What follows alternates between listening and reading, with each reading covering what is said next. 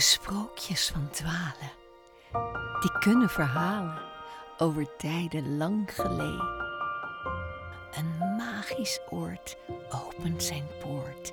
Luister en dwaal met mij mee.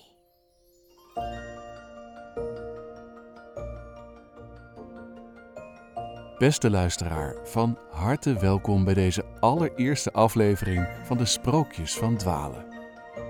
Mijn naam is Oscar Koning. In deze podcast nodig ik je iedere maand uit in Dwalen. Een wonderlijke stad waarin de tijd stilstaat. Een stad die in geen enkele geschiedenis of atlas wordt vermeld. Maar wel degelijk bestaat. En niet eens zo ver van jou vandaan. Het is de eerste aflevering en dus pakken we direct goed uit. Twee sprookjes en daarnaast een bonusaflevering waarin we samen eens stilstaan bij het bijzondere fenomeen van het sprookje. Waar komt het vandaan? Wat maakt een sprookje tot een sprookje? En welke plek bekleedt het in onze wereld van vandaag? Laten we dus snel beginnen. Deze maand ontmoeten we in Dwalen Jan de Kruidenier. Een man die onbedoeld een ontdekking deed die ook ver buiten Dwalen grote gevolgen had. Maar we beginnen op stand. We gaan namelijk op audiëntie bij een van de vroegere Dwaalse koningen, wiens troon ooit aan een zijden draadje hing.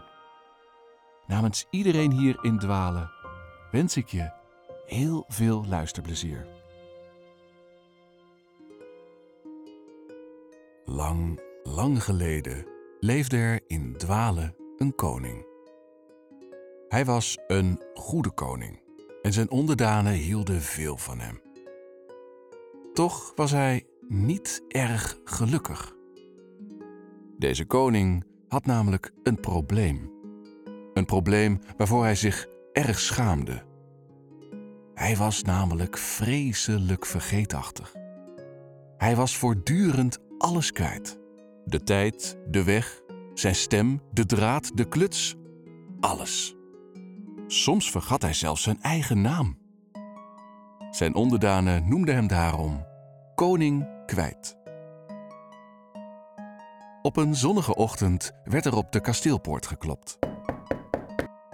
Toen de koning de poort, na lang zoeken, eindelijk had gevonden, deed hij open. Voor hem stond een oud vrouwtje. Ze lachte vriendelijk en vertelde hem dat ze door een bevriende koning was gestuurd om hem te helpen met zijn verstrooidheid. Koning Kwijt had geen idee wie die andere koning was. Maar ja, dat was nu net zijn probleem. Zodra hij het zich zou herinneren, moest hij zeker even een bedankje sturen. Het oude vrouwtje vertelde hem zich nog diezelfde dag te melden op het grote Dwaalse plein, midden in de stad.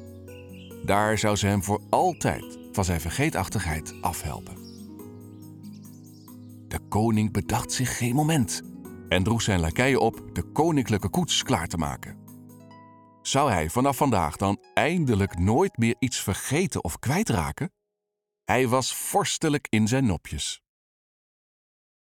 Maar wat de koning toen nog niet wist, is dat de oude dame een gemene heks was, die het had voorzien op zijn troon. Als haar plan zou slagen, zou zij voor de avond heerser over dwalen zijn. Toen de koning die middag op het grote plein arriveerde, stond ze hem al op te wachten.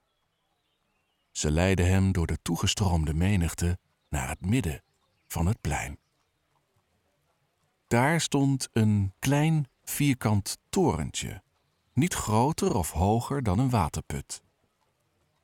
En hoe klein het torentje ook was, had het aan alle vier de zijdes een deur. Bovenop het dak prijkte een gouden bel. Vreemd.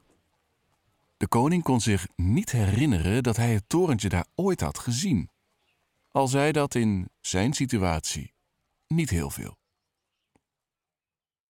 Het was doodstil op het plein toen de heks een van de vier deuren opende en de koning wenkte. Deze bedacht zich geen moment. Opgetogen als hij was door de aangeboden hulp, huppelde hij naar binnen. Maar toen gebeurde het. Zodra de koning binnen was, sloeg de heks de deur achter hem dicht. De harde klap galmde over het plein.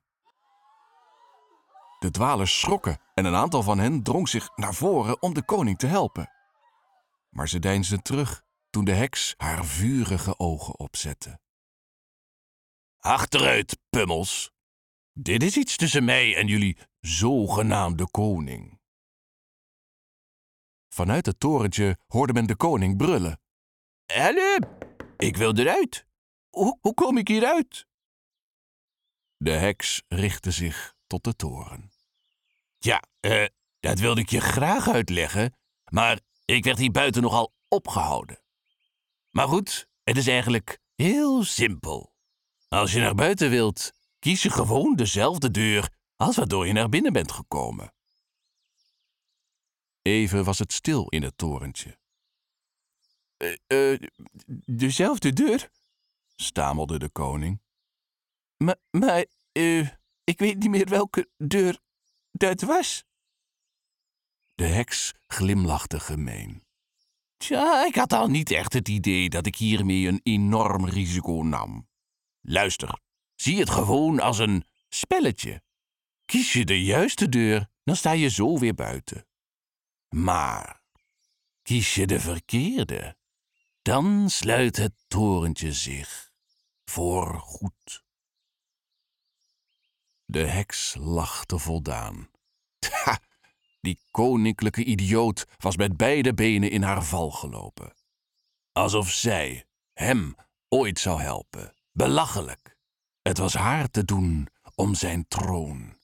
En die had ze zojuist zeker veroverd. Want die verstrooide vent zou zich natuurlijk nooit weten te bevrijden. Nou, riep ze, komt er nog wat van? We staan hier met z'n allen te wachten. Het lijkt me toch niet heel moeilijk. Vier deuren. Welke kies je? Het was weer even stil in het torentje. Toen hoorde men hoe de koning van binnenuit voorzichtig een deur probeerde te openen. Maar er was geen beweging in te krijgen. Hij probeerde het nog eens. Maar nee, de deur bleef dicht. Vanuit het publiek riep iemand: Oh nee, hij heeft de verkeerde deur gekozen. Op dat moment luidde de bel op het dak en leek er plots een ijzige kou op te zetten. De koning zat voorgoed opgesloten. De valse stem van de heks klonk schel over het plein. Eh, wat akelig nou! Je hebt de verkeerde deur gekozen. Nou, kan niet zeggen dat het me erg verbaast. Maar doe me een plezier en maak het een beetje gezellig daarbinnen. Want je komt er nooit meer uit. Hierop wendde de heks zich tot de menigte. Ziet hier uw gewezen majesteit. Gevangen tussen vier deuren. De juiste uitgang had hem bevrijd. Maar dat zal nooit meer gebeuren. Tijd dus voor een nieuw bewind. En ieder opgelet. Beter bent u mij gezind, want mijn wil is voortaan wet. Hierop kroonde de heks zichzelf ter plekke tot koningin en snelde ze naar het kasteel waar ze de troon besteeg. Bezorgd legden enkele onderdanen hun oren tegen de deuren van het torentje. Ze hoorden hoe een koning binnen zacht zat te jammeren. Maak u zich geen zorgen, majesteit, riepen ze. Wij halen u hieruit. Beloofd. Dagen, weken, maanden gingen voorbij, waarin de dwalers hun uiterste best deden hun koning te verlossen. De knapste tovenaars braken hun hoofd over de toverspreuk van de heks. Slotenmakers staken wel duizend sleutels in de sloten. En bonkige kerels gooiden hun sterkste schouders tegen de deuren. Maar niets of niemand bleek opgewassen tegen de magie van de heks. Koning Kwijt zat opgesloten en niemand kon hem bevrijden. De dwalers waren radeloos. Als iedere nacht om twaalf uur de bel op het torentje luidde, kon je de heks in het kasteel horen schateren.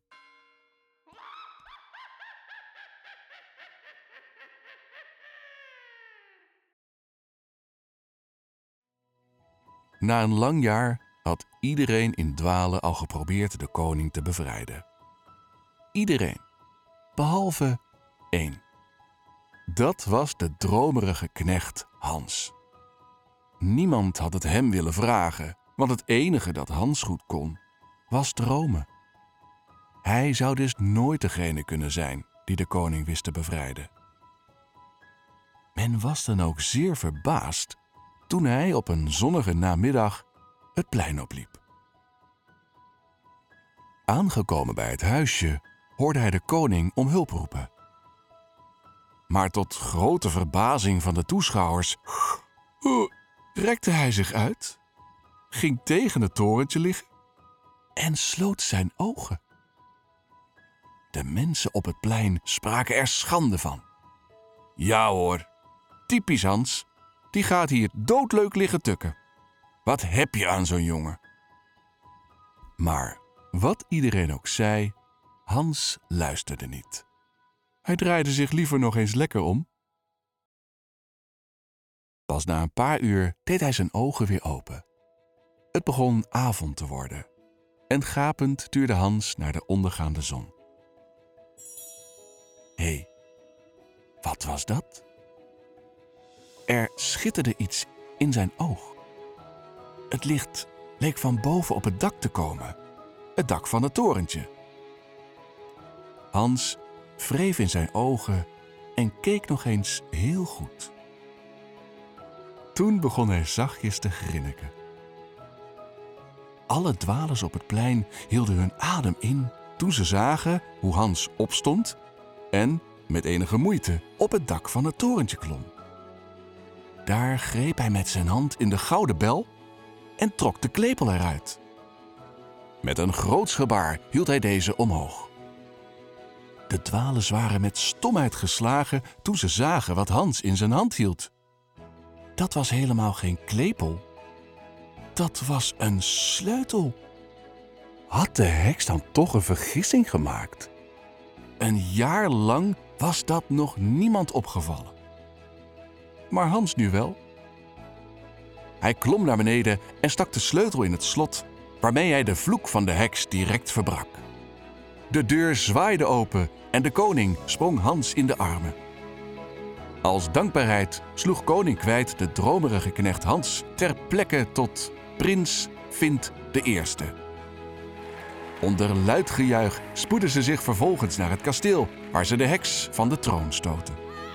Van haar is sindsdien nooit meer iets vernomen. Na deze dag leefde Hans als prins Vint Eerste nog een lang en gelukkig leven aan het hof van koning Kwijt. Deze beloofde zijn nieuwe prins plechtig dat hij zijn heldendaad nooit zou vergeten. Althans, dat ging hij zeker proberen.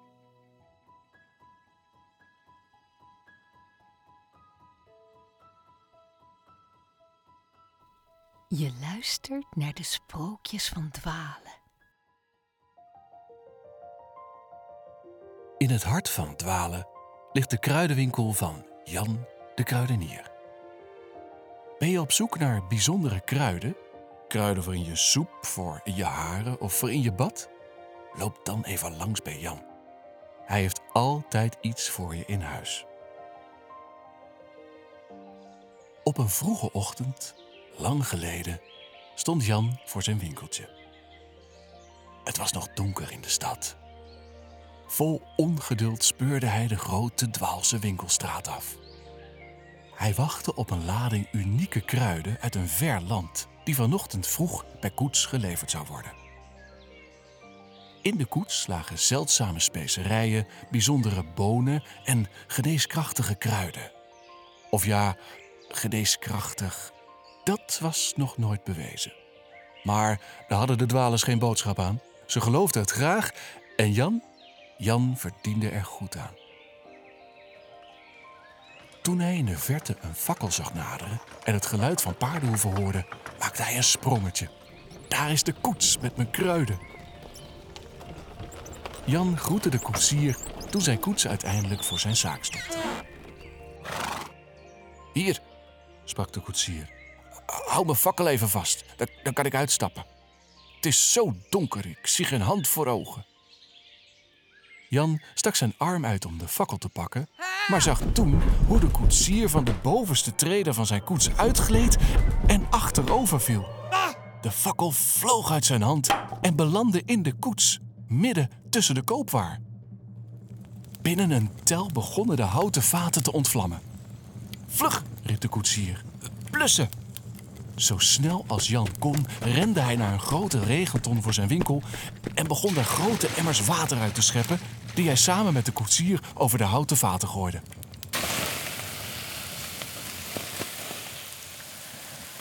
Na een paar emmers was het vuur geblust. Beteuterd keken Jan en de koetsier de koets in. Daar stonden de kletsnatte houten vaten nog na te smeulen. De koetsier opende een aantal vaten en krabde achter zijn oren.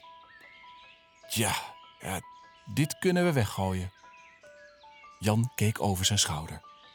In de vaten dreven de kruiden en de verbrande bonen. De warme dampen van het kokende bluswater sloegen om zijn gezicht. Nee, nee, dit, dit kan ik niet meer verkopen. Jan snoof eens diep. Wat zonde. Maar wat was dat? Jan bracht zijn hoofd tot vlak boven het vat met de smeulende bonen en ademde nog eens diep in. En nog eens. Hmm, maar, stamelde hij, dit ruikt heerlijk. Daarna hield hij zijn hoofd boven het vat met de drijvende blaadjes. En dit ook? Snel rende hij zijn zaak in en kwam terug met een houten pul. Deze doopte hij in het warme bluswater. De koetsier keek vol verwondering hoe Jan de pul naar zijn mond bracht en een slok nam. Jan sloot zijn ogen. Dit is, fluisterde hij, dit is zalig. Snel nam hij een slok uit het vat met de bladeren. En dit ook? Hij stak zijn handen in de lucht. Hoera! klonk zijn stem door de Dwaalse binnenstad. De totaal verwarde koetsier zag hoe Jan midden op straat een vreugdedansje deed. Boven hen stak een nieuwsgierige dwaler zijn slaperige hoofd uit het raam. Oh, uh, ruikt lekker, Jan, riep hij. Maar Jan hoorde niets. Hij schaterde en vroeg de koetsier de vaten direct uit te laden om zo snel mogelijk weer eenzelfde lading te brengen. En vergeet niet er flink de fik in te zetten, lachte hij, waarna hij de koetsier een enorme lading goud toestopte. Vanaf die dag gooide Jan zijn handeltje om en legde hij zich volledig toe op de verkoop van zijn nieuwe uitvinding. Op zijn winkel hing hij een nieuw bord: Jans blaadjeswater en bonenlek. Sindsdien stond er iedere ochtend een lange rij voor zijn zaak. Heel Dwalen bleek verzot op zijn nieuwe warme dranken. De zaken gingen zo goed dat Jan ook nieuwe zaken begon te openen. Op een bepaald moment vond je op iedere hoek een winkeltje van Jan. Daar zaten de dwalers urenlang te bomen boven dampende koppen blaadjeswater en bonenlek. De meest moderne dwalers namen hun pul zelfs mee de straat op. Bonenlek to go noemden ze het. Met opgeklopte havermelk of een flinke scheut karamel. Ja, men werd er graag mee gezien. En nog steeds. Zelfs tot ver buiten de stad, tot over de verste grenzen. Wereldwijd. Bonenlek en blaadjeswater. Of koffie en thee, zoals jij het vast kent. wie kan er nog zonder? Maar vergeet niet, het was Jan die er ooit mee begonnen is. Jan de kruidenier uit het mooie dwalen.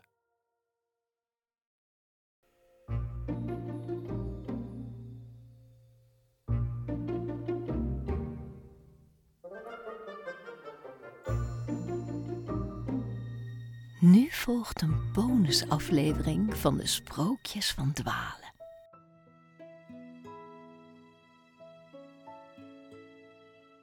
Het sprookje.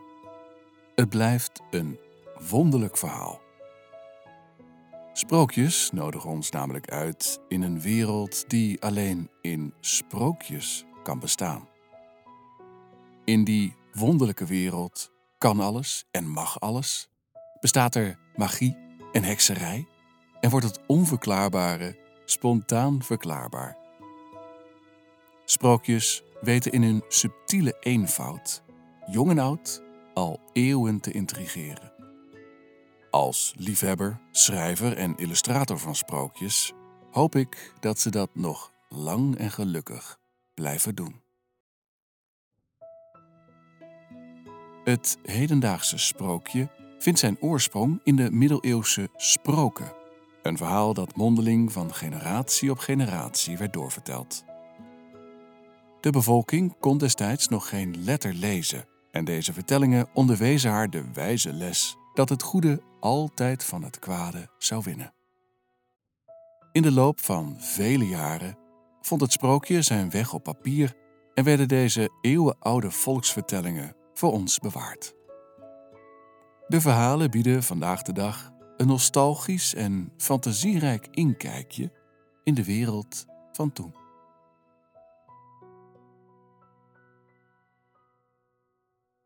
In de vele bekende en minder bekende sprookjes vindt men vaak overeenkomsten in opbouw en in stijl.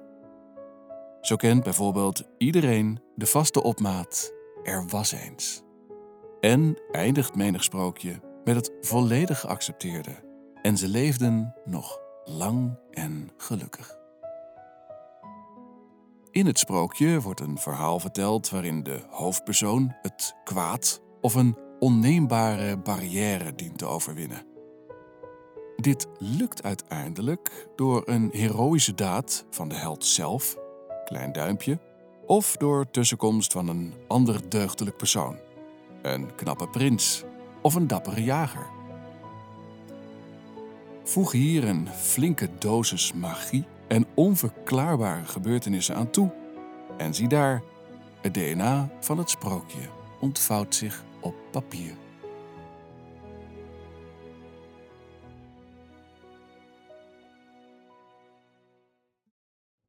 Zouden we dat DNA verder ontleden, dan vinden we nog meer opmerkelijke eigenschappen. Zo doe je sprookjes niets te kort met de bewering dat de verhalen vaak ongecompliceerd zijn en de karakters weinig uitgediept. Dit laatste komt duidelijk naar voren in het sprookje van Roodkapje, in de versie van de gebroeders Grimm. Iedereen kent het sprookje, maar hoe goed kennen we het meisje zelf? Als Roodkapje al een eigen naam heeft, is deze niet bekend. Wat we wel weten, is dat ze samenwoont met haar moeder. Over papa of andere gezinsleden wordt niet gesproken.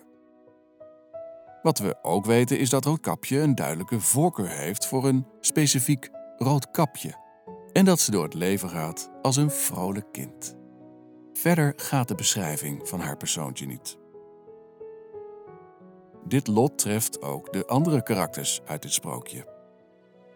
Zo wordt er niet gerept over de mogelijk stroeve relatie tussen moeder en oma en lezen we ook niets over de vriendelijke kanten van de boze wolf. De karakters zijn volledig teruggebracht tot de functie die ze bekleden in het verhaal.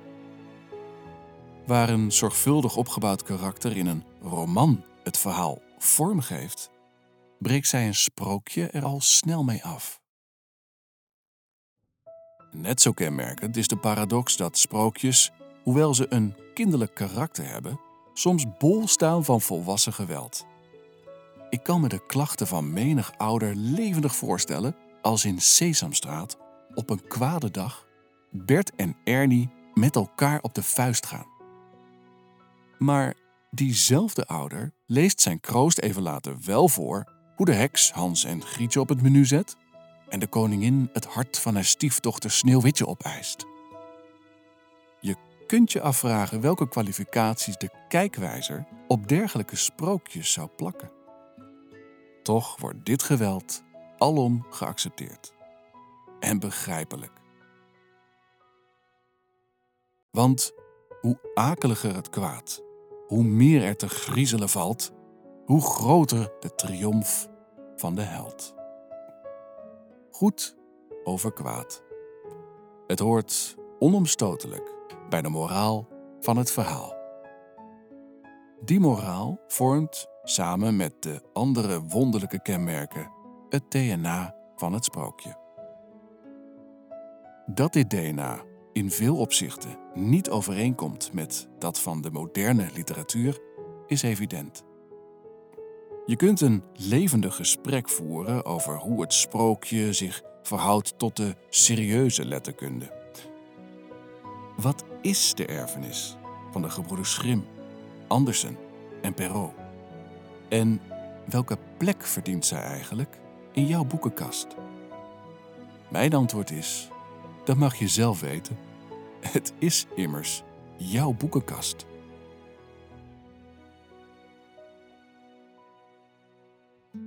Zet je sprookjesbundel gerust eens een tijdje naast Mulisch of Reven. Hij zal ze heus niet bijten.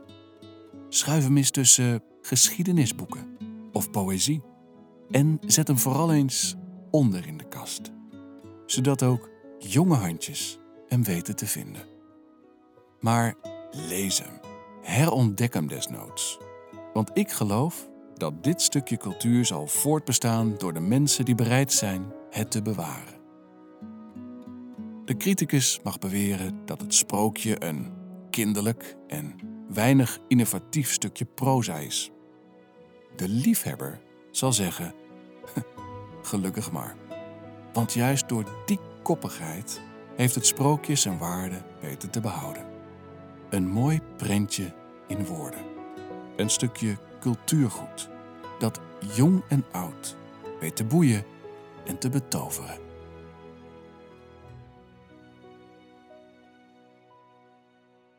Het sprookje is als een oud draaiorgeltje in een moderne winkelstraat. En als een nostalgische ets van Anton Pieck in het Museum voor Moderne Kunsten.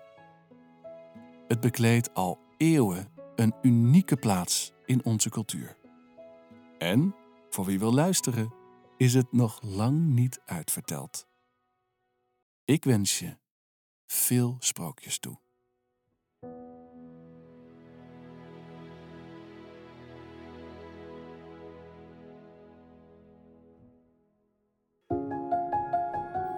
En tot zover deze aflevering. Een nieuw sprookje van Dwalen vind je iedere maand in je favoriete podcast-app en op dwalen.nl. De Sprookjes van Dwalen is een podcast van Oscar Koning. Bedankt voor het luisteren en heel graag tot de volgende keer.